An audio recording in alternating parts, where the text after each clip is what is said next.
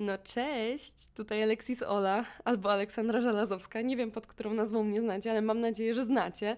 A jeżeli nie, to cześć, bardzo mi miło Was powitać w moim podcaście.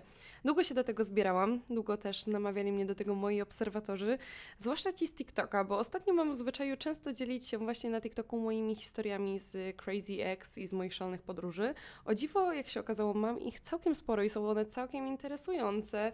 Niektórzy chcieli posłuchać ich więcej, stąd też właśnie podcast, ale szalone historie z X i szalone podróże to coś, co mam wspólnego z pewnym kasztanem, który właśnie będzie ze mną prowadził ten podcast. Kasztan, przywitaj się. Hello! Z tej strony Kinga Pietrusiak, dla przyjaciół Kasztan, dla jeszcze bliższych przyjaciół Gówniak. I w tym podcaście Alexis Ola zostanie exposed, mój partner in crime. Będą e, opowiadane smaczki z podróży i nie tylko. Ja myślę, że w ogóle ten podcast to będzie moja kompromitacja. A tak już, już totalnie poważnie to Kinga jest moją przyjaciółką. E, zaraz się dowiecie, jak to się w ogóle stało, że została moją przyjaciółką, bo stało się to stosunkowo niedawno, ale teraz jak sobie tak myślę, to no, Kinga aż do momentu publikacji tego podcastu była, jest osobą e, prywatną. Ja jestem publiczną, więc faktycznie ja myślę, że jestem w gorszej sytuacji i to ja będę ta exposed tutaj. Powiedziałabym tak, jesteś w nieco gorszej sytuacji, ale jednak ja też czuję, że, e, że przekraczam tą granicę i będę bardzo exposed i wszystko wyjdzie na jaw, wszystkie grzechy podróżnicze i życiowe. Spokojnie, ja zadbam o to, żeby ciebie też wkopać, nie będę w tym sama. W końcu idziemy przez życie razem, dlatego się przyjaźnimy. Tak. No ale dobra, pewnie niektórzy się spodziewali tego podcastu ode mnie, pewnie nikt się nie spodziewał, że będzie on z Kingą i nikt się nie spodziewał, że będzie on się nazywał Kasztany, więc może Kasztan wam wytłumaczy, dlaczego Kasztany. Otóż jest to bardzo prosta historia. E, będąc na Bali poznałam Ole, jak i Laurę. Laurę wcześniej kojarzyłam, ale nie mogę powiedzieć, że ją znałam. Poznałyśmy się tak naprawdę wszystkie w trójkę na Bali. For reference, Laura to jest moja przyjaciółka od prawie trzech lat. Będzie się często przewijać w naszych historiach, więc proszę się przyzwyczaić. A więc Laura nazwała mnie kasztan i tak zostało. I koniec historii. Koniec historii. Dlatego kasztany, bo no tak zostało Kinga z kasztanem, wszystkie we trójkę gdzieś tam nazywamy się Kasztany. No i właśnie wspomniałeś, że poznałyśmy się na Bali i o tym będzie ten odcinek. Tak, pierwszy odcinek będzie o tym, dlaczego żałujemy wyjazdu na Bali, dlaczego tak bardzo nam się nie podobało i jak to się stało, że się poznałyśmy. A żałujesz wyjazdu na Bali? Właśnie żałuję, że cię poznałam. o proszę, jakie wyznania, to dopiero pierwsza minuta pierwszego odcinka. Moje życie by było dużo spokojniejsze bez ciebie. Wybacz, y, jest mi bardzo przykro. Ostatnio usłyszałam od jednej z moich koleżanek, że jestem najbardziej crazy osobą, jaką poznałam i chyba zarażam tym innych, więc um, sorry, not sorry. E, no dobra, no to dzisiaj porozmawiamy sobie o Bali, opowiemy historię o tym, jak się poznałyśmy. E, wiecie już, że łączą nas nie tylko podróżnicze przygody, ale i historie o Crazy X. No i właśnie to o tym będzie nasz podcast. Historia o Crazy X była, wydaje mi się, kluczowym e, czynnikiem E, w historii naszej przyjaźni i dlaczego tak kliknęło od pierwszego wejrzenia. Ponieważ jak zaczęłyśmy z Olą rozmawiać na Bali podczas pierwszych rozmów, okazało się, że jesteśmy klonami. No i cały taki mindset myślę, że mamy podobny, ale myślę, że nie ma co spoilerować, wszyscy się tego dowiedzą gdzieś tutaj um, po drodze. No bo wiecie jak to jest, jak się poznaje ludzi, no to chyba o tym się rozmawia zazwyczaj na początku, wymieniacie jakieś swoje doświadczenia, zazwyczaj te traumatyczne, więc zazwyczaj związkowe. I no dobra, zaraz się dowiecie wszystkiego, ale właśnie skoro tak bardzo połączyła nas historia e, o Crazy X, to wymyśliłyśmy, że na początku każdego odcinka e, podcastu będziemy e, chwalić Wam się albo same się wkopywać, ile już dni jesteśmy bez kontaktu z naszymi Crazy X. Dlatego właśnie powstał licznik dni bez kontaktu z Crazy X. Olu, ja się chciałam pochwalić. Pewnie o to chciałaś mnie właśnie tak. teraz zapytać.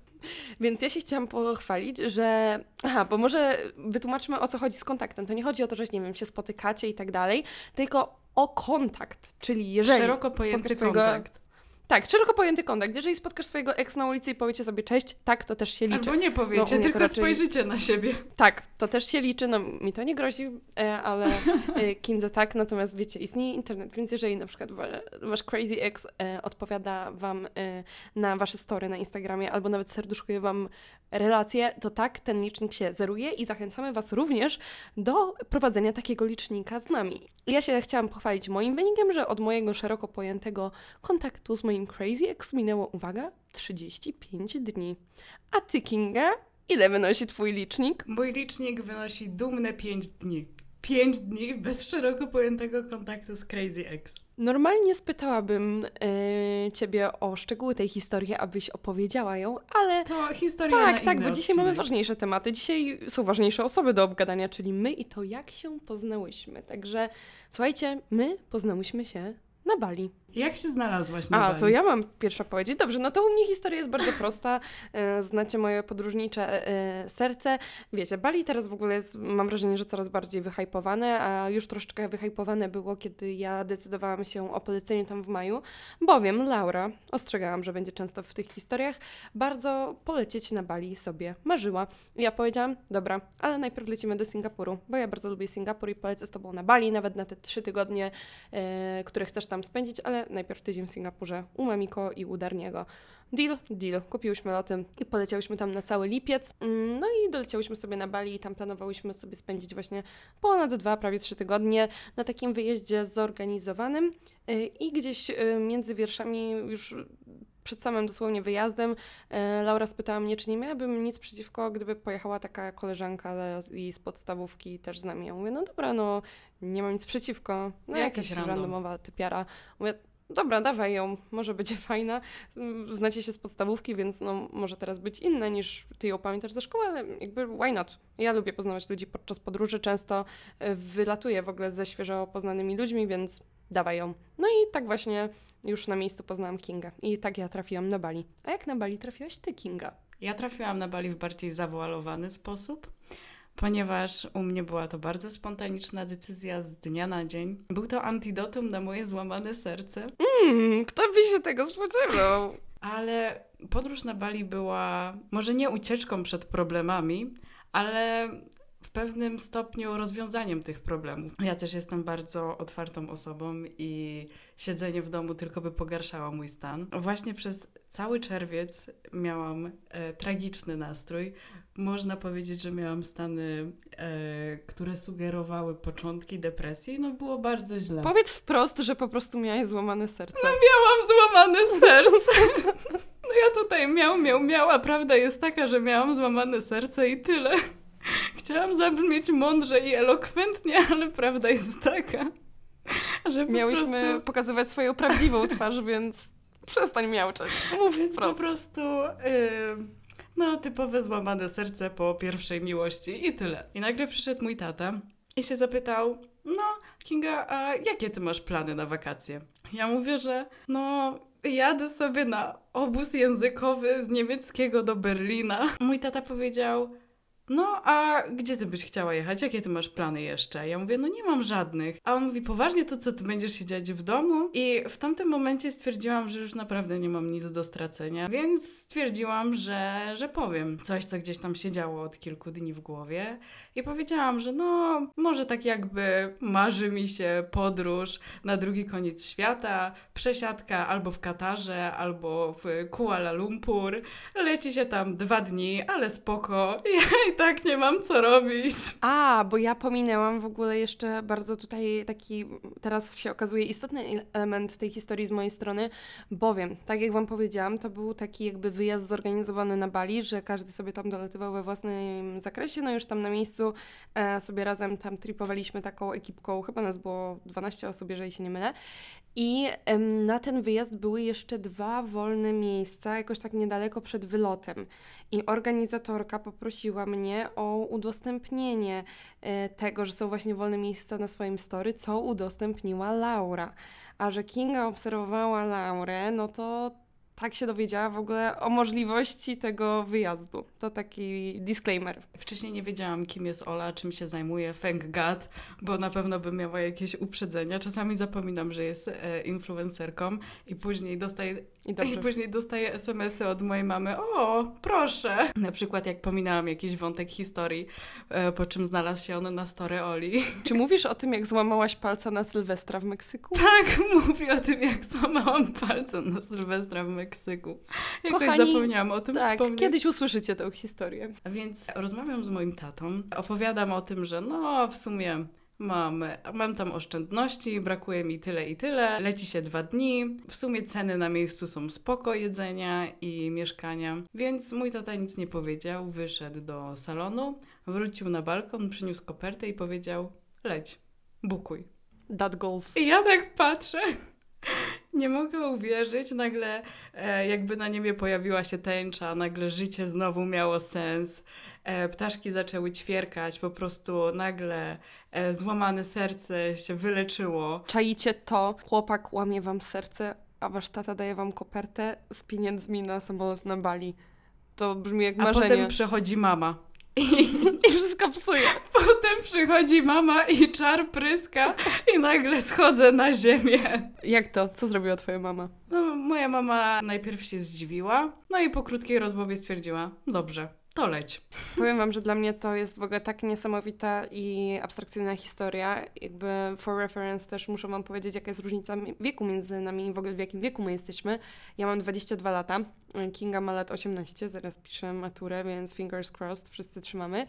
I ja pamiętam, jak miałam złamane serce właśnie mniej więcej w tym wieku, jak w ogóle wyglądało moje życie, kiedy byłam w wieku Kingi, to ta historia no, jest dla mnie nadal taką abstrakcją, że w ogóle nie wyobrażam sobie, aby tak leczyć złamane serce, żeby w ogóle rodzice y, chcieli w ten sposób wyleczyć moje złamane serce, więc miała ogromne szczęście, ma cudownych rodziców, ale no powiedzcie mi, kto leczy złamane serce lecąc samemu na Bali w wieku 18 lat? Kinga. E, Polecam metodę, sprawdziła się.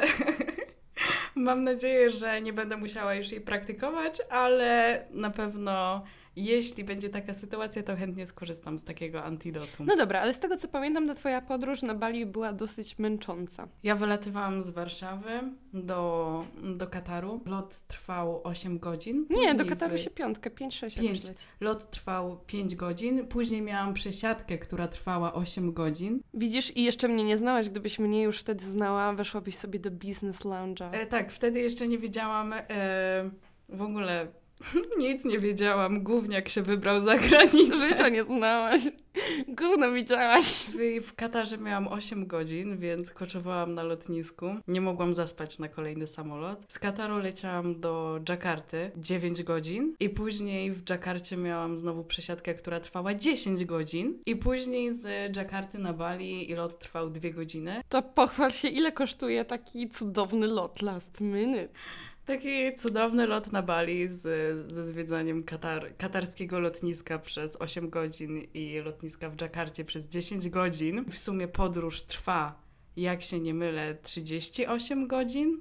No, mniej więcej No, dwa dni. tak. Jak kosztuje 10 tysięcy polskich złotych. Yy, I tutaj dla porównania kupowanie takich biletów z wyprzedzeniem, tak jak na przykład robiłam to ja i Laura, to jest koszt około 5 tysięcy złotych i tak to nadal jest dużo, ale to jest teraz taka standardowa cena na loty na Bali. E, Kiedyś to kosztowało jakieś 2-3 tysiące, teraz 5, 6, no ale jak się jest kasztanem, to się płaci 10. Także nie leczcie złamanego serca na Bali, bo zaboli to wasz portfel. No i dobra, słuchajcie, ja i Laura siedzimy już na tym Bali od kilku dni. Coś tam sobie zwiedzamy, bo byłyśmy tam troszeczkę przedprogramowo, że tak powiem. No i dolatuje Kinga. Ja w ogóle na nią nie zwróciłam uwagi, byłam troszeczkę już w swoim świecie i zaoferowana jakimiś tam e, problemami Laury, bo guess what? Przylatujemy e, na Bali, spełniać największe marzenie Laury, czyli zobaczyć to Bali. I to Bali okazuje się w ogóle nie takie, jak Laura sobie wyobrażała. Ja nie byłam zaskoczona, bo właśnie dlatego mi się Bali nigdy nie marzyło, bo wiedziałam, że to jest takie bardzo instagramowe miejsce, pięknie, naturalnie, ale już też bardzo zniszczone przez człowieka. No i jest po prostu komarcha, brud, smród, śmieci i w ogóle... Mm, biali ludzie niszczą ten świat. No a Laura dosyć ciężko przyjęła tą rzeczywistość, więc ja byłam bardziej zaoferowana tym, żeby jednak jej troszeczkę poprawić humor, bo come on, przed nami były ponad dwa tygodnie tam do spędzenia. No i hej, hej, Ola, Kinga, w ogóle jakby nie zwróciłam na nią za bardzo Ja byłam E, zbyt uwagi? zmęczona, żeby Ciebie zapoznawać po dwóch dniach.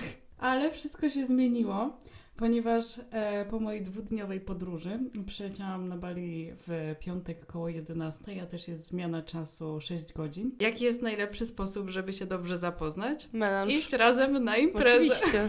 To jest złota sa- zasada. Melanż.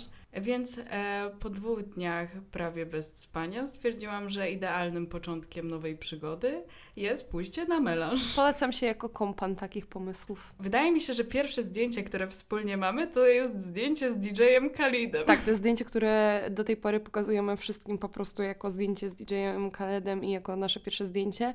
Yy, I co jest najśmieszniejsze, wszyscy są wtedy tacy, wiecie, zakochani w naszej historii i w tym, że spotkałyśmy... Wow, super, poznałaś DJ-a Khaleda.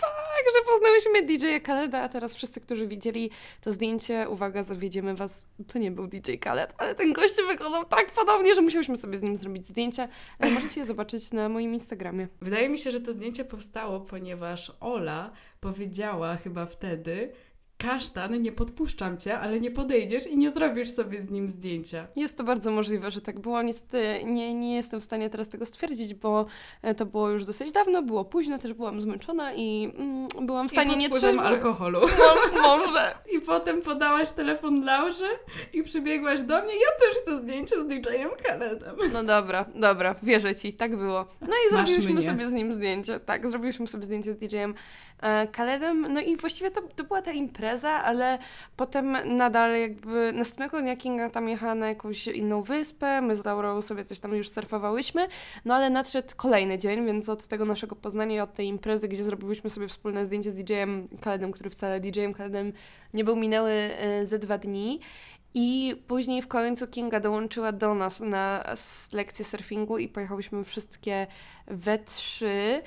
I y, byłyśmy tam jakoś wcześniej, czekałyśmy na tę lekcję, bo też chyba fal nie było. No jakoś tak to było, że sobie siedziałyśmy po prostu na plaży, obserwowałyśmy innych surferów i Kinga gadała z Laurą, no bo to one się znały, wiecie, z tej podstawówki, więc opowiadały sobie tam historię, co się zmieniło w ich e, życiu przez e, te lata. No i oczywiście to sobie opowiadały historię Crazy Ex. Ja miałam to totalnie I gdzieś... kluczowe pytanie. Jak znalazłaś się na Bali?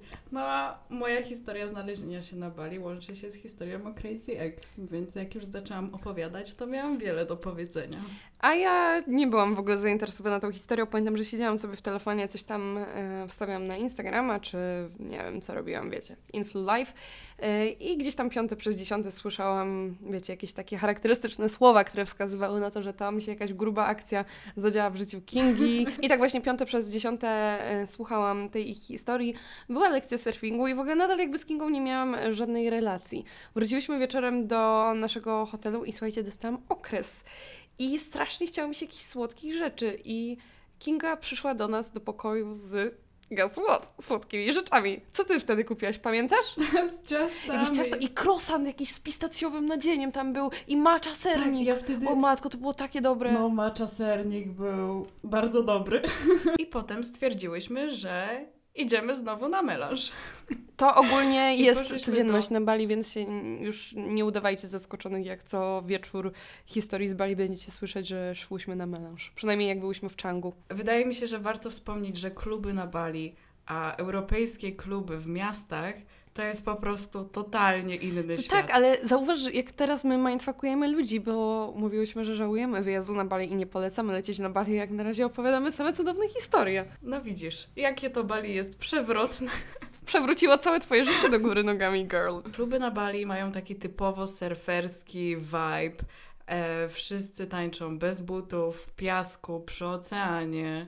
E, są baseny, tańczy się w strojach kąpielowych i pije się drinki z ananasów. Jest I mnóstwo naprawdę jest Australijczyków. I jest mnóstwo Australijczyków. I guess what? Okazało się, że naprawdę jestem w typie Australijczyków. Ja się urodziłam chyba po złej stronie świata. I tutaj zbliża się rewolucja mojego życia, ponieważ Kingi życie odmienił wylot na Bali, a moje życie odmieniło poznanie Kingi, bowiem ku mojemu zdziwieniu ta 18-letnia małolata miała na sobie atencję wszystkich facetów w klubie.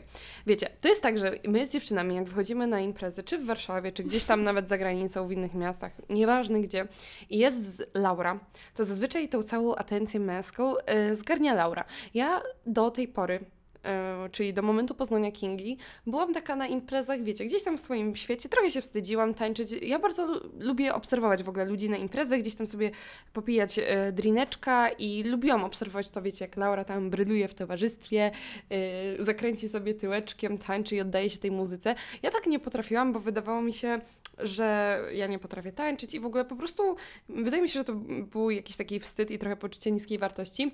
Ale szybko się naprawiło. Tak, na szczęście to się szybko naprawiło, bo dobra. Tutaj Laura sobie kręci dupką i obraca się wśród mężczyzn. Tu sobie Kinga tupta z nóżki na nóżkę i wszyscy kręcą się wokół nich, a szczególnie wokół Kingi. A ja stoję jak kołek i mówię, kurde, coś ze mną jest nie tak. I wtedy właśnie sobie zdałam sprawę, że ja mam ogólnie chyba jakiś problem z relacjami z facetami. No dobra, Kinga i Laura też mają super crazy historię z ex, ale y, jakoś, nie wiem, wokół nich ta męska energia tutaj krąża. Ja jestem jakaś taka, nie wiem, no po prostu coś poczułam, że ze mną jest nie tak. I to dla mnie, słuchajcie, był niesamowity szok, że taki 18-letni gówniak, który tam sobie po prostu tupta z nóżki na nóżkę, co chwilę dostaje... Jeszcze robi to koślawo.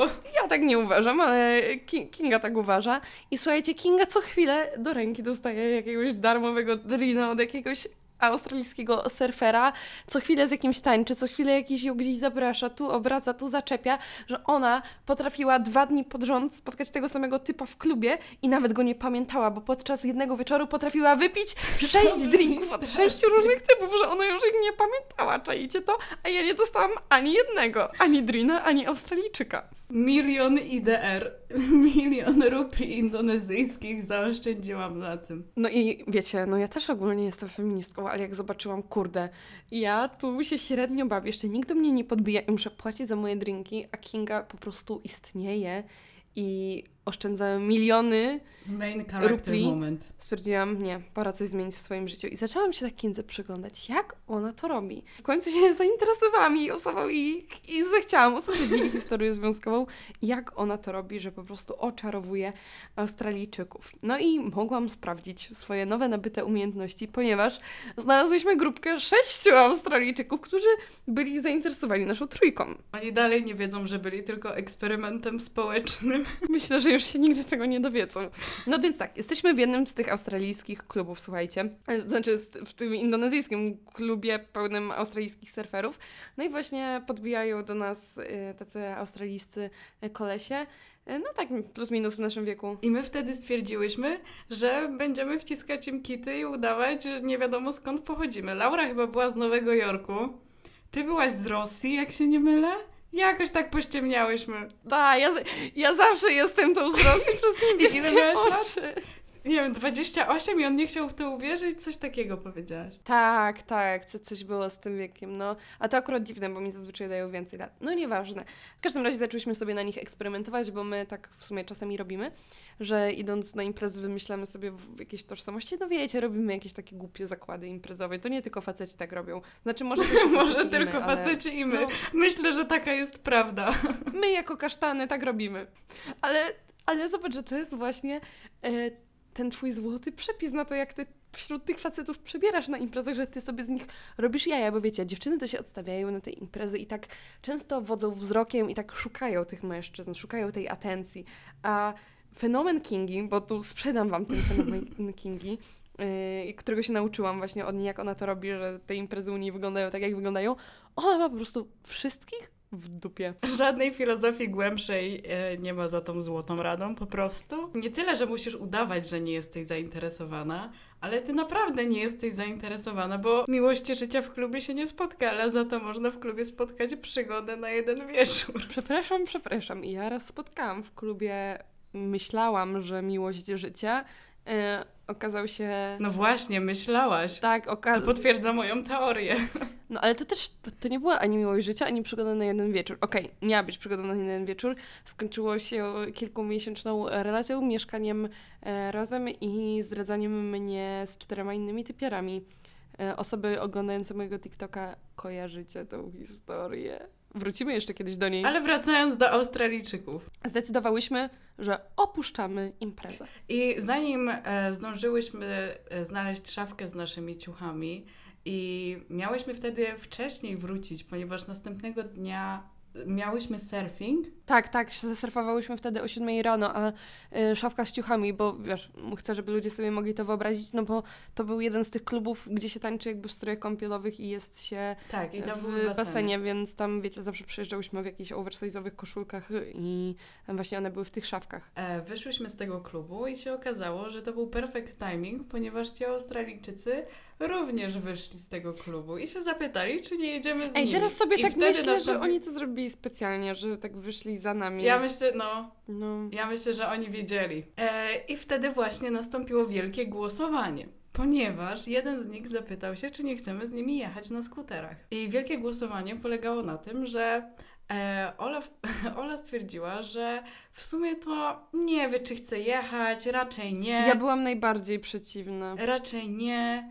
E, oni na pewno nie są w, mm, w najlepszej formie, żeby prowadzić skuter. E, na Bali też nie ma ani jednego alkomatu, co ciekawe. A wiecie, co najbardziej poddało wątpliwości y, ten przejazd z nimi na skuterach? To, że jeden z tych sześciu Australijczyków, słuchajcie, był tak wykręcony, że tak wykręcony, że jeszcze jak tańczyliśmy w tym pierwszym klubie, coś tam z nimi i właśnie któraś z nas spytała jednego, czy on potrafi surfować. Tak, bo to byli A wiecie, byliśmy na parkiecie i on zaczął udawać, że surfuje jakby, żeby udowodnić nam, że on surfuje i że ma jakieś umiejętności, zaczął po prostu, wiecie, pokazywać swoje umiejętności surfingowe bez deski, bez wody. To było takie śmieszne, że chyba pięć razy się go zapytałam, can you show me how to surf? I za każdym razem udowadniał, że potrafi surfować w powietrzu. Oli najbardziej się ten pomysł nie podobał. No bo i ja zawsze jestem zapyta- taką mami wyjazdu. Dobra, czasami też mam swoje odkleje, ale jakby w 90% sytuacji to ja y, trzymam mózg y, na karku. Tak się mówi? Nie, głowę na karku. Trzymam głowę na karku, bo niestety Kinga i Laura gubią ym, swoje głowy, zanim zazwyczaj wychodzimy z domu. Więc Ola się zapytała najpierw chyba Laury. Laura, czy jedziemy z nimi? No i z Laurą była krótka piłka, tak. potem potem e, Ola się zapytała mnie, Kinga, chcesz z nimi jechać? A ja stwierdziłam, odpowiedziałam, pamiętam coś w stylu, no wiesz co, mam taką crazy historię z tym e, przyjazdem na Bali i tak dalej, że w sumie czemu nie, pokuśmy trochę los. I Ola powiedziała, dobra, przekonałyście mnie, trzy razy na tak, jedziemy. Po drodze zgubiłyśmy jeszcze Laurę, bo jej Australijczykowi ze skutera spadła rejestracja, nie mogłam się do niej dodzwonić, ale koniec końców trafiłyśmy na tą drugą imprezę. Mm, Przynajmniej mój Australijczyk był bardzo zawiedziony, że nie chciałam go pocałować i w ogóle pamiętam, że ja się wtedy tak średnio bawiłam. Nie, jakby w tym drugim klubie już było tak średnio, ale takie zabawne było, jak na początku oni nie potrafili znaleźć tych skuterów. Laura wsiada i Laura wtedy jechała z dwoma. Laura jako jedyna jechała w trójkę i ona wsiada i ta rejestracja odpada i później jakiś facet się zainteresował, czy to faktycznie jest ich skuter, czy nie i czemu. I Laura A, trzymała tak, wtedy tak, tą faktycznie. rejestrację. No dobrze, także sytuacja ze skuterami została przegłosowana przede wszystkim dlatego, że Kinga stwierdziła, że robi już tak szalone rzeczy, że już nic z tego nie przebije i nie ma nic do stracenia, ale koniec końców zrobiła jeszcze bardziej szaloną rzecz i tutaj e, się role odwróciły, bo to ja Kinga do tego namówiłam, bowiem Kinga z Bali przywiozła swój pierwszy tatuaż, który, uwaga, I to narysowany. no właśnie, narysowany przeze mnie po tygodniu znajomości. Czejcie, nie znacie typiary, a dajecie jej do narysowania dziarę i mówicie, dobra, rób pan. Podsumujcie sobie tą całą historię. Typiara, random typiara, osiemnastolatka z Gliwic, ma złamane serce. Ojciec daje jej w kopercie 10 tysięcy na bilet na Bali, leci sama dwa dni na Bali, nie śpi, idzie na imprezę, robi zdjęcia z DJ-em Khaledem i jakąś drugą randomową typiarą, czyli mną, który się nie okazuje wcale DJ-em Khaledem, jeździ skuterami z y, dziwnymi Australijczykami, dostaje za free driny na drugim końcu świata i w sumie po tygodniu stwierdza, że no dobra, druga randomowa typiaro, narysuj mi dziarę. Także e, zrobiłyśmy sobie wszystkie we trzy tatuaże. Oczywiście każda inny i w innym miejscu, żeby nie było. Tutaj e, nie radzimy Wam robić z nikim jakichś takich, wiecie, tatuaży, na których możecie żałować po prostu. No i ogólnie, wiecie, z tymi tatuażami podczas podróży, tutaj powiem jako ekspertka, która jest wytatuowana, jest troszeczkę tak, że to jest loteria i w sumie w ogóle z tatuażami to jest troszeczkę loteria. Wiadomo, możecie e, wybrać e, najbardziej zaufane studio, najbardziej profesjonalnego tatuatora. Koniec końców nie wiadomo, jak to się skończy. Jestem tego żywym przykładem, bo mam jeden nieudany tatuaż, który był, wiecie, robiony niby tutaj w super warunkach, dlatego ja też, no, przymykam trochę na to oko, bo, no, bo to nigdy nie wiadomo. No i znalazłyśmy w końcu studio mm, tatuażu w Ubud, właśnie na Bali, gdzie wtedy drugi tydzień sobie stacjonowałyśmy. Mm, I wybrałyśmy się wszystkie we trzy na tatuaż. Dziewczyny oczywiście trochę spieniały, bo Kingi to był pierwszy tatuaż, Laury miał być drugi, mój tam już któryś tam nasty, więc ja poszłam y, pierwsza y, pod nóż. W ogóle nasz tatuaż miał być o godzinie 19, y, ale kiedy przyjechałyśmy, to przed studiem tatuatorskim, jeżeli tak można na to nazwać miejsce, kręcił się melanż. Jeśli można to nazwać studiem. Tak, kręcił się po prostu, słuchajcie, melanż. I kiedy w końcu zostałam wytatuowana o godzinie no miałam być o 19, zostałam wytatuowana jakoś o godzinie 20.30 powiedzmy. W ogóle tatuaż nie został mi zaklejony, więc ja już e, do końca tej przygody zostałam z jątrzącą się raną, bo tatuaż to jest rana, to wiecie, to jest ingerencja jednak w skórę. Który został zrobiony pod ugryzieniem pająka. Tak, bo pogryzł, pogryzł mnie ogólnie pająki, więc y, tak sobie wyznaczyłam miejsce na tatuaż, że no dobra, to niech będzie pod tym ugryzieniem pająka. I miałam ranę, która się cały czas jątrzyła, bo z niej wychodziła ropa, y, wychodziła krew, osocze, tłuszcz, bo no, tak się dzieje właśnie przy tatuażach, dlatego Właśnie dbajcie o to, żeby tatuaże były sterylne i zawsze zabezpieczane po ich zrobieniu, zwłaszcza kiedy znajdujecie się na drugim końcu świata, gdzie jest mnóstwo tropikalnych chorób, jadowitych zwierząt i no ogólnie, no nie róbcie tak, bo to się mogło źle skończyć. Ja akurat miałam e, szczęście, potem e, pod nóż poszła Laura, no i na końcu e, Kinga najdłużej czekała na swój pierwszy tatuaż. Tylko słuchajcie, my nie przemyślałyśmy jednej rzeczy, że właśnie na Bali żyją bardzo szczęśliwi ludzie, a jak wiemy, szczęśliwi czasu nie liczą. I tatuaż, który miał być o 19, te nasze trzy tatuaże, zaczęły się gdzieś tam dopiero po godzinie 20, bliżej 21, no i skończyły się po północy. A co my robiłyśmy o drugiej w nocy? Szykowałyśmy się na wyjazd na wulkan. Także tego wieczoru wróciłyśmy do hotelu koło pierwszej. W pół do pierwszej, to było gdzieś przed pierwszą, no. A musiałyśmy wstać przed tak, trzecią. I wiem, że chyba wtedy spałyśmy godzinę z niezaklejonymi dziarami i wybierałyśmy się na wulkan. Ale ja ogólnie miałam mieć tatuaż robiony jako pierwsza, ale ja do samego końca nie wiedziałam, co chcę sobie wytatuować. Więc e, stwierdziłyśmy, że pierwsza pójdzie Ola jako ekspertka, żeby sp posprawdzała, czy wszystkie igły i wszystko jest dobrze tam zdezynfekowane. I tak, ja pamiętam, jak potem nawet wy byłyście i mnie tam wołyście, Ola, Ola, chodź zobacz. I ten gościu jak otwierał przy nas te igły i dbał bardzo o to, żebyśmy widziały, jak on otwiera te igły, to tam dziewczyny zawsze, wiecie, mnie jako, jako takiego superwajzora brały. Tak, a Ola tylko mówiła im, jest, jest, it's okay. A po polsku do nas, Wiecie co? Jaki fajans i to nazywają studiem? I to ma być profesjonalizm? No, życie na Bali, słuchajcie, toczy się e, trochę inaczej. No i właśnie po godzinie snu i po tej całej szalonej nocy tatuowania e, musiałyśmy wspiąć się na wulkan, na który też nikt nas dobrze nie przygotował. Przede wszystkim nikt nam nie powiedział, że będzie tam tak zimno, było jakieś 4 stopnie Celsjusza i nikt nam nie powiedział, że to wspinanie będzie tak wycieńczające i będzie trwało tyle godzin. Czy koniec końców obejrzenie tego wschodu słońca ze szczytu aktywnego wulkanu było tego warte? No oczywiście, że tak, ale powiem Wam, że wiedząc jak ta droga będzie wyglądać, jak niesamowicie będzie męcząca, jak tam będzie zimno i to, że no tutaj, no niestety to nie jest nasza wina, że nie zostałyśmy dobrze przygotowane do tego wyjścia, ale to też jest inna historia, to ja bym się drugi raz tego nie podjęła. A ty? Ja bym się podjęła. Ja ogólnie lubię takie spontaniczne rzeczy, ale na pewno nie zrobiłabym tego z świeżym, niezaklejonym tatuażem. To, to nie było odpowiedzialne, zdecydowanie. I mój problem e, z tatuażem polegał na tym, że ja mam tatuaż zrobiony pod kostką na stopie. I wchodząc na wulkan, w pewnym momencie potknęłam się i piasek wulkaniczny wsypał mi się do buta. I nie wyglądało to e, zbyt obiecująco, ale na szczęście nic się nie stało. Też nie wybrałabym się na, e, na wspinanie się na wulkan po nieprzespanej nocy. I ja jeszcze tego dnia e, pojechałam sama na e, drugi koniec wyspy i surfowałam. Więc tak naprawdę mój organizm nie miał się kiedy zregenerować po surfingu i po dziarze i od razu e, poszłyśmy na wulkan. I na tym wulkanie pamiętam, że jak już byłyśmy na szczycie, e, miałam okazję, pierwszy raz jak po, nie wiem, chyba trzy godziny wtedy się wspinałyśmy, cztery, coś takiego. No, ze cztery to były. Z, y, około 4 godzin się wspinałyśmy i po tych 4 godzinach, po nieprzespanej nocy, po zrobieniu tatuażu i po dniu surfowania, jak usiadłam, to momentalnie zasnęłam. Momentalnie mi się oczy zamknęły i na ułamek sekundy zasnęłam, y, szybko się tak y, ogarnęłam, w ogóle nie wiedziałam, co się dzieje. Nigdy mój organizm nie był taki wycieńczony jak tego dnia. I twój też. Ponieważ... Ty przynajmniej usiadłaś, ja zasnęłam w restauracji. Położ...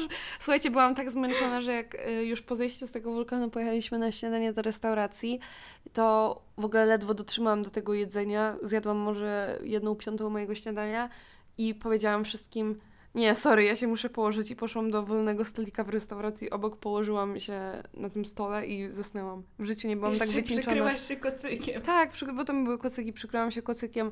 Słuchajcie, to jest taki poziom wycieńczenia organizmu, że ja w ogóle nie jestem w stanie tego opisać. Naprawdę, to jest. Nie życzę nikomu przeżycia tego stopnia wycieńczenia. Ja w życiu nie czułam się tak okropnie, a trochę takich, wiecie, fizycznych złych rzeczy doświadczyłam, nie tylko tych psychicznych z Crazy X, więc naprawdę, no, słowa nie są w stanie tego oddać, jak okropnie się czułam i dlatego właśnie bym tego nie powtórzyła, mimo że widoki były, no, to było przeżycie, wiecie, once in a lifetime, to czułam się tak fatalnie, że no ja już za wulkany podziękuję, potem byłam w Panamie, też miałam okazję wejść na wulkan i to jeszcze bardziej hardkorowy niż ten e, właśnie w Indonezji i nie, dziękuję. Nie wchodźcie na wulkany i w ogóle nie lećcie na Bali. Dlaczego nie lećcie na Bali? Bo ja nadal podkreślam, że mi się na Bali nie podobało. To, że my przeżyłyśmy tam takie przygody, to jest wypadkowa nas. I do tego już chyba doszłyśmy wspólnie jakiś czas temu, bo ja mam taką tradycję, że co roku latam na Mykonos.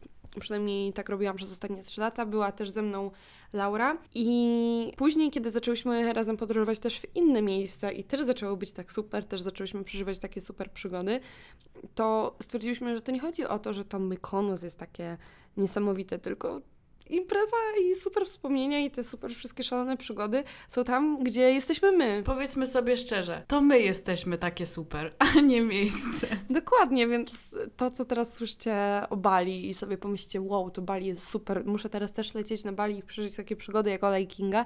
Nie, naprawdę nie, uwierzcie nie mi, nie. lećcie na Bali. I nie lećcie na to Bali, bo tam jest komercja i to wszystko, co mówiłam na początku, to ja to podtrzymuję i będę podtrzymywać. Uważam, że jest milion e, piękniejszych miejsc na świecie, które nie są mm, obarczone e, tak dużym zniszczeniem przez człowieka, takim brudem, sywem, komercją, wyzyskiem. I... A świątynie to był istny dramat. Świątynie na Bali w ogóle wydaje mi się, że słowo świątynia nie może być użyte, żeby opisać budynki religijne, które znajdują się na Bali, ponieważ z religią one nie mają nic wspólnego. Świątynia na Bali to jest kopalnia pieniędzy e, białych turystów, w ogóle nie ma żadnego poszanowania religijnego. Ja byłam akurat byłam bardzo zawiedziona świątyniami na Bali, ponieważ e, Bali jest wyspą e, hinduistyczną, a nie muzułmańską jak większość Indonezji. E, dlatego też byłam ciekawa tej kultury, ciekawa świątyń, a naprawdę Bali, jeśli chodzi o świątynię, mnie bardzo zawiodło. E, uważam, że to nie jest miejsce, żeby poszerzać e, swoją e, znajomość kultury indonezyjskiej, tylko podziwiać naturę albo Australijczyków w klubach. No, no ja uważam, że tylko Australijczyków, nawet ta natura, bo no co z tego, że macie piękne wodospady, jak wcześniej musicie minąć 10 sklepików i stać po kilkadziesiąt nawet minut w kolejce, żeby sobie zrobić to zdjęcie. A no ja widziałam świata trochę więcej i wiem, że istnieją miejsca, które są tak samo piękne jak Bali i nie musicie płacić tej turystycznej ceny i w przenośni i dosłownie za to, żeby podziwiać tą naturę. Więc jeżeli chcecie polecieć, żeby poimprezować, tam popracować, yy, pożyć trochę tym surferskim lifestylem, tak, posurfować, jasne, lećcie, ale no, na pewno nie za tą kasę, za jakie teraz można dorwać bilety, bo tak jak mówię, jest mnóstwo bardziej wyjątkowych yy, miejsc i no jak wiecie, dużo osób przypisuje Bali te wszystkie takie spirytualne właściwości, to jest jeden wielki bullshit. Rytuał oczyszczenia balijskiej świątyni. Olu, co my... O tak, Czekaj, tak, czekaj. to musimy powiedzieć. Olu, co myślisz o rytuale oczyszczenia w balijskiej świątyni? Balijskie świątynie charakteryzują się tym, że można tam przejść taki jakby rytuał i to jest samo w sobie już dla mnie abstrakcyjne, bo podam Wam to na przykładzie naszym, jakby polskim, więc w większości katolickim. Wyobraźcie sobie, że w naszym kościele, który zwiedzamy, na przykład, nie wiem, w Częstochowie mamy przecież taki słynny kościół, e, że można sobie do niego przyjechać jako turysta innej wiary i doświadczyć chrztu just for fun. Przecież żaden szanujący się katolik by się na to nie godził, żaden by tego nie zaakceptował, a takie rzeczy są w, na Bali na porządku dziennym. Mianowicie możecie sobie iść do takiej świątyni i przejść święty e, hinduistyczny rytuał dla no, zabawy, po prostu, żeby się pomoczyć w wodospadach, bo wygląda to tak, że wchodzicie, Żeby to... zrobić zdjęcie i dać na Instagram. Tak, i wygląda to tak, że się moczycie pod różnymi tam strumieniami, w ogóle macie jakieś intencje. Super to wygląda na zdjęciach, bo tam też składacie jakąś ofiarę z kwiatków, jesteście ubrani w te, wiecie, jakieś tam ich szaty i tak dalej. No i robi to zatrważająca ilość ludzi. I pamiętam, że kiedy właśnie byliśmy świadkiem tego, byliśmy w szoku, bo nie mogłyśmy pojąć tego, jak ludzie mogą się na to godzić, bo wiem, że u nas coś takiego by nie przeszło. I pamiętam, że zrobiłam taką ankietę na Insta i spytałam, czy według mm, moich obserwatorów, a więc Polaków, to jest w porządku, że coś takiego e, tutaj, no głównie Europejczycy robią w tej Indonezji na tym Bali. I większość osób miało takie, że no w sumie to nie mam zdania, w sumie nie mam nic przeciwko, trochę osób było przeciwko, a potem jak spytałam, czy według Was to by było ok, gdyby na przykład muzułmanie, Żydzi czy osoby niewierzące przychodziły sobie do kościoła i just for fun przechodziły chrzest w kościele katolickim, no to już nikomu się to nie spodobało, więc no to jest abstrakcja, że takie rzeczy się dzieją na Bali i to jest właśnie to, o czym mówię, że Bali jest tak zepsute tą turystyką i pieniędzmi i przeludnieniem, że wyznawcy hinduizmu pozwalają bezcześcić swoją religię, dlatego że to bawi ludzi i daje pieniądze. I fakt, że wiecie, no jest popyt i jest podaż, więc sam fakt, że e, Europejczycy chcą robić takie rzeczy, no to jest w ogóle dla mnie brak szacunku, brak moralności i ja nie mogłam na to patrzeć. brak szacunku. Ja na to nie mogłam patrzeć. Ja również byłam zniesmaczona tym widokiem i też tłumaczenie, że jestem, to jest jedyna okazja w moim życiu, żeby przejść rytuał oczyszczenia, że nigdy więcej już nie wrócę na Bali, że to jest jedyna okazja, no ja nie kupuję zdecydowanie takiego tłumaczenia. Ja uważam, że to jest poszanowanie e, tradycji, kultury, nie tyle e, indonezyjskiej czy też hinduistycznej, ale poszanowanie własnego systemu wartości gdzieś tam... Może niektórzy go nie jest- mają.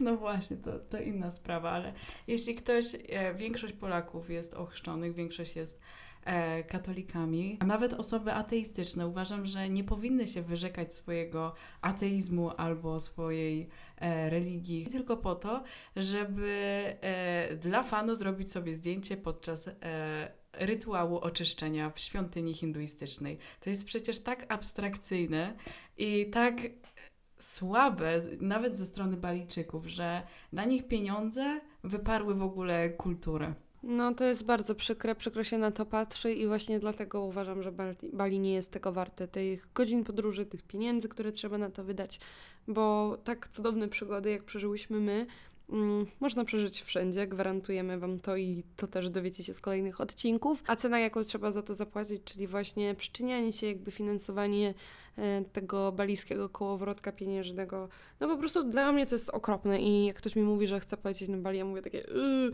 no wiadomo, ludziom się spodoba to, że tam jest mnóstwo takich instaspotów, piękne jedzenie, zdrowe owocki i lifestyle, yoga, medytacja, ale kurczę, no nie wiem, ja tego nie kupuję, ja po prostu tego nie kupuję, już nie będę się tłumaczyć, ja po prostu tego nie kupuję, ale odnośnie jogi i medytacji, to kończąc naszą przygodę na Bali, ostatnie kilka dni już spędziłyśmy w mniej turystycznej e, części wyspy, gdzie mieszkałyśmy w takim, to nawet nie był hotel, taki wiecie, retreat i tam miałyśmy takie hotelowe jakby lekcje jogi i medytacji. No i ja ogólnie mam na co dzień styczność zarówno z jogą, jak i z medytacją, gdzieś tam od kilku lat to jest w mojej, no nie wiem, powiem, że codziennej, ale jest to obecne w mojej rutynie, więc trochę o tym wiedziałam i no dla mnie to po prostu była kolejna Byłaś lekcja najbardziej jogi. doświadczona z naszej trójki. A Kinga wtedy miała swoją pierwszą ever medytację.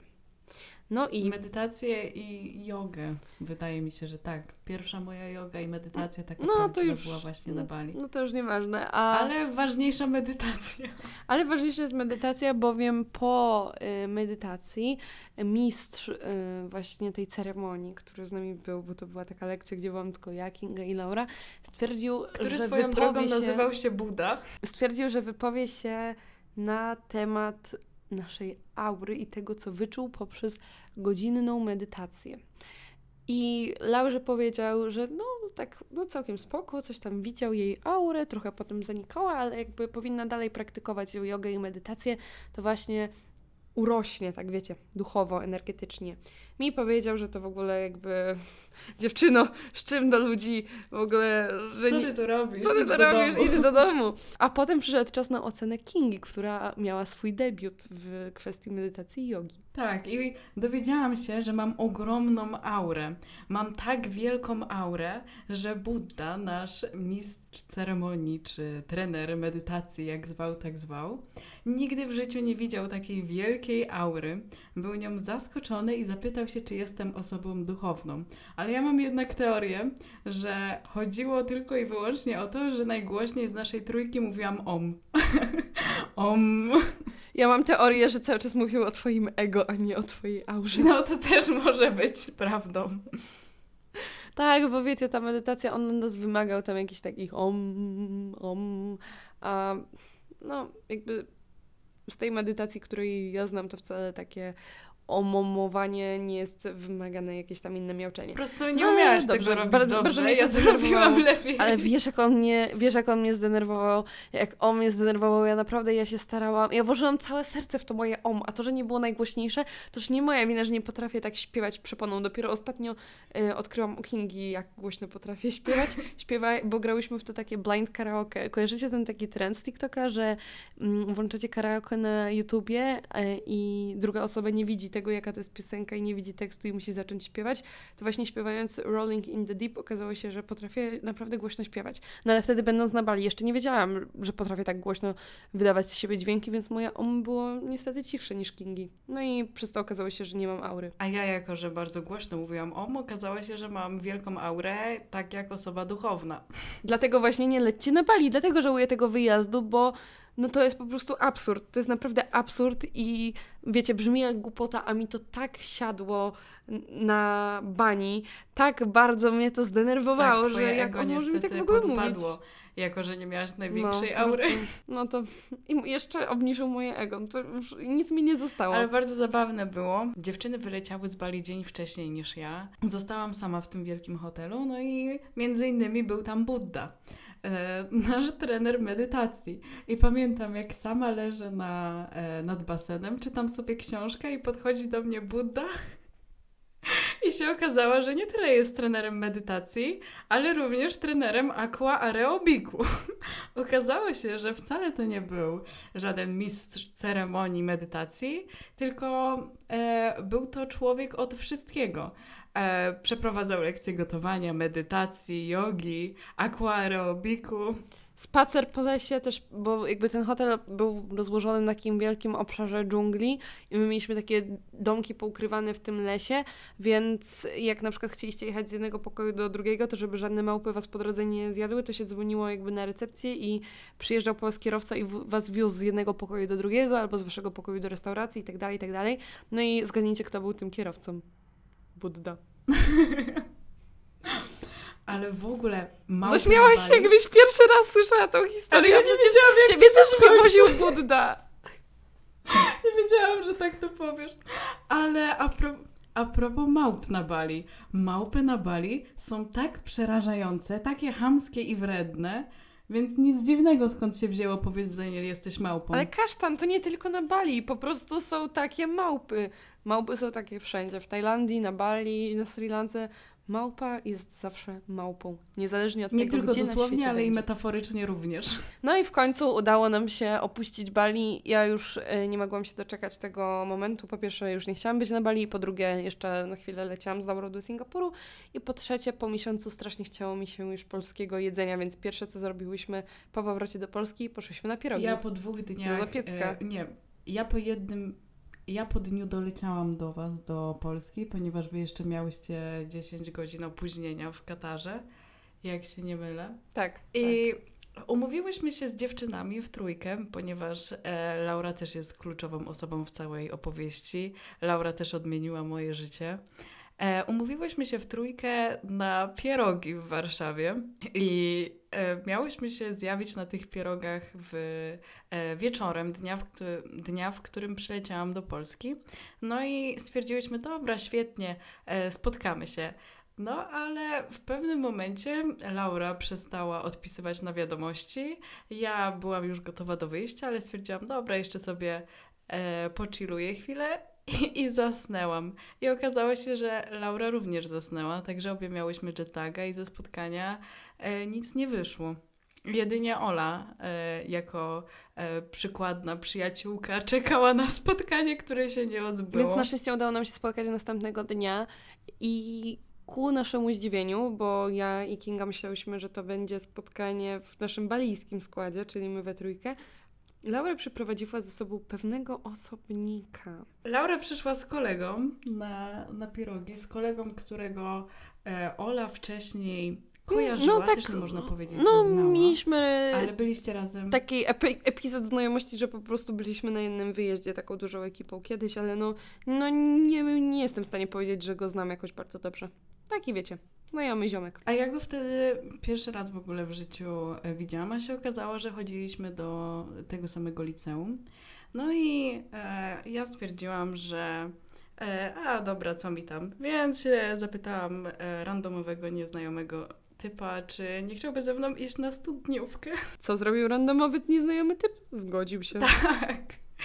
No i był to początek e, zawoalowanej znajomości. o bardzo tragicznym zakończeniu, bo koniec końców, tu zaspoileruję, nie poszli razem na studniówkę. Ale w ogóle o studniówkach kiedy na, kiedyś nagramy Wam odcinek. No i w końcu cała przygoda dobiegła końca, bo Kinga też wróciła do domu i musiała pochwalić się nowym nabytkiem na swojej skórze. Wróciłam do domu po ośmiu tygodniach podróży, ponieważ przed Bali również miałam wyjazd i nie wracałam do swojego domu, tylko wracałam do mieszkania w Warszawie. I po ośmiu tygodniach, jak e, wróciłam z podróży życia e, do domu, to znalazłam się znowu w tym samym miejscu, czyli na tarasie z moim tatą. I rozmawiamy. No i mój tata mówi, że no, jest bardzo dumny, że tak mi się udało wszystko ogarnąć, że nie zaspałam żadnego samolotu, że w sumie to on lubił mojego byłego, no ale wyszło jak wyszło. Ojciec zawsze wie, co powiedzieć, jak poprawić humor. Ale jedna rzecz mu się nie podoba. To, co mam na stopie. Nawet nie wypowiedział słowa tatuaż, był tak zdegustowany.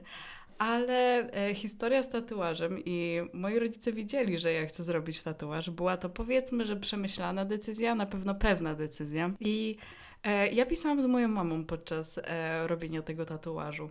I moja mama powiedziała: Tak, świetnie, rób pamiątka do końca życia, zrób coś, żeby ci przypominało, jak bardzo szczęśliwa byłaś i tak dalej.